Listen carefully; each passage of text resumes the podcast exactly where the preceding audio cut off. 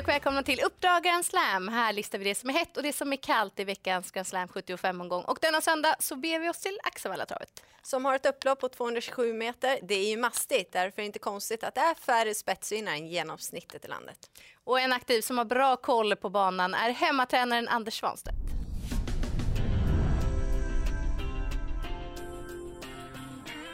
Vad är skillnaden att köra på din hemmabana mot att köra på någon annan bana? Vad skulle du säga? Vad tänker du mest på? Jag har hört att det är ett väldigt långt upplopp. Du har hört det? Okej, ja. Nej, men det, det, är ju långa raker och eh, därmed så blir ju kurvorna ganska snäva då. Eh, blir de ju. Eh, sen är det ju så med ett långt upplopp att eh, det är ju inte lika viktigt att vara med där fram och i ledningen kanske som på Åmål eller Örebro. Mm. Annars så är det väl inte någon jättestörre skillnad. Vad tror du om underlaget nu på söndag? Vi ska ju få ganska ordentligt med plusgrader så jag hoppas att kärlen hinner släppa ordentligt. Eh, men lite osäkert ser det ut faktiskt, tyvärr. Men eh, vi får se lite grann. Ja, det gäller ju inte bara att hitta startsnabba hästar på Axevalla utan framförallt starka. Och om banan blir tung så ska de vara riktigt starka för att orka med upploppet. Nu ska vi inte leka meteorologer, men vi tror ju ändå att det ska gå att köra barfota. Så som det ser ut nu så hoppas och tror vi på barfota balans på söndag om man väljer det. Nu har ni koll på förutsättningarna och vi går vidare till veckans heta.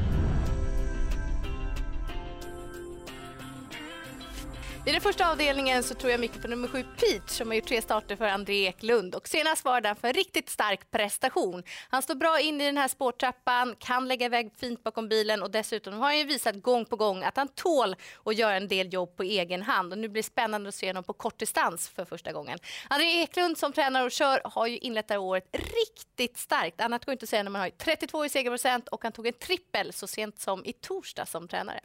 Och den tredje avdelningen så vill jag prata om nummer fyra Agüero som stod för en fin montédebut som tvåa.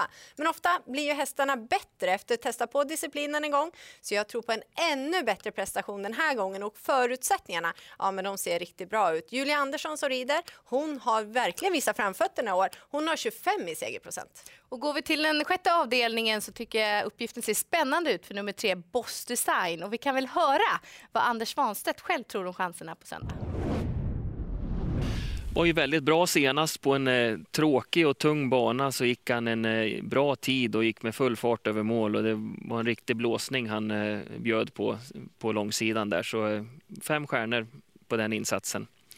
Eh, nu kommer han förhoppningsvis och troligtvis gå barfota eh, nu. Och det är ju en typisk barfota häst tycker jag. Han blir ju mycket bättre barfota våldstart för första gången i hans karriär. Eller nej, första gången på väldigt många år i alla fall.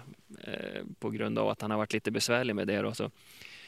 Eh, klarar vi av voltningen där och han kommer iväg så tror jag att han är ganska snabb ut. Och jag tror att det är en ganska tuff häst att slå från ledningen för de andra. Trots att det är väldigt bra hästar där bakom så eh, måste de ha, göra bra lopp för att slå honom tror jag från ledningen.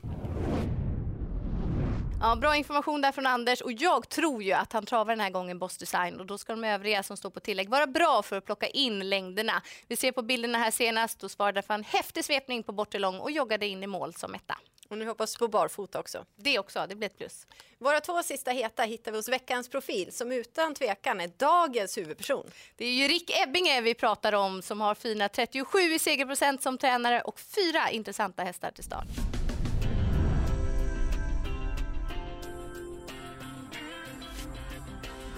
Avdelning 1 och nummer 10 Isi Moarik är ett plus med kortdistans igen.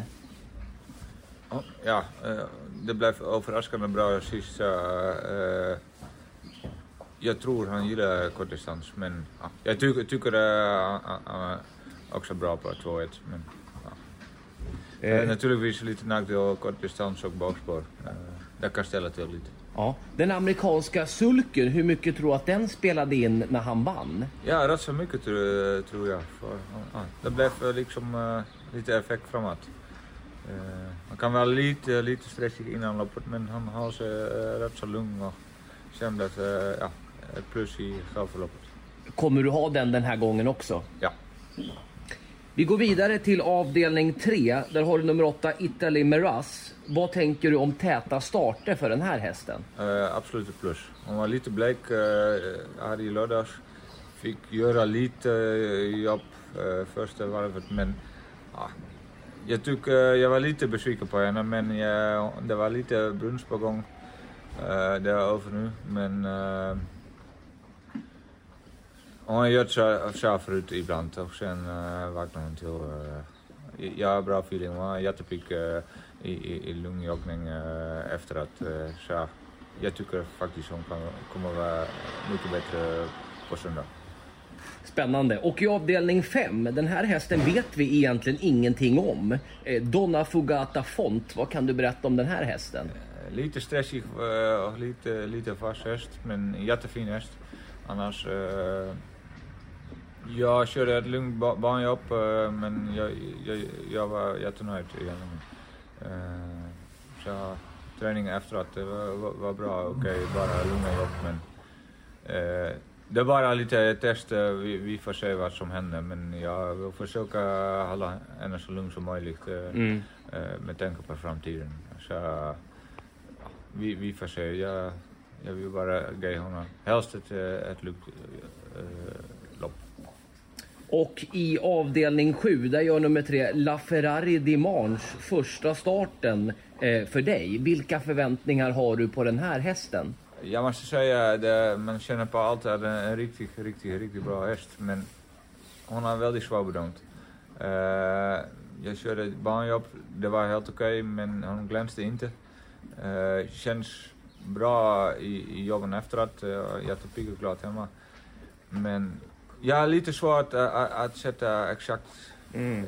Det kan bli jäkla bra, och det kan, det kan också bli en liten besvikelse att jag inte har henne där vad jag vill ha. Men det är bara att köra lopp och känna hur det känns där.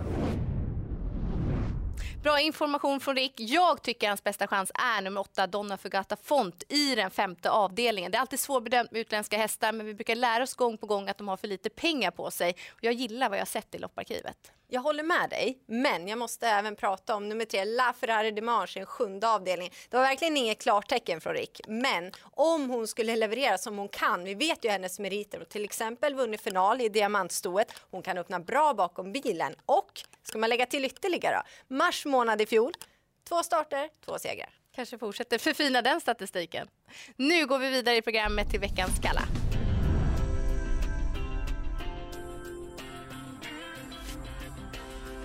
Vi börjar i den första avdelningen med nummer ett, Kyrkultställa, som har två segrar i programraden och ett fint utgångsläge här över den korta distansen. Men hon står hårt inne i den här spårtrappan sett till insprungna pengar och den här gången tror jag att hon får tufft att matcha de som har betydligt mer pengar på kontot. Och i den andra avdelningen så är ju nummer 13 Luca Vialobocco segervan och det är hans tid som kommer nu då man får köra barfota. Men nu handlar det om årsdebut och springspår på tillägg. Så Saga Larsen som kör, hon har ingen enkel uppgift framför sig. Han är inte speciellt startsam och inte heller att lita på. På 23 starter har det blivit 10 galopper och senast han hade just springspår, då blev det galopp med Ulf Olsson i sulken.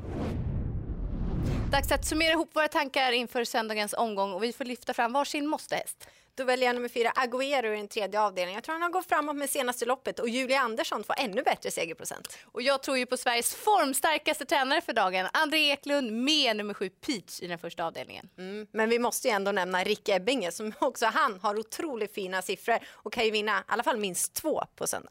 Och ta nu chansen på Grand Slam 75 och lycka till säger vi.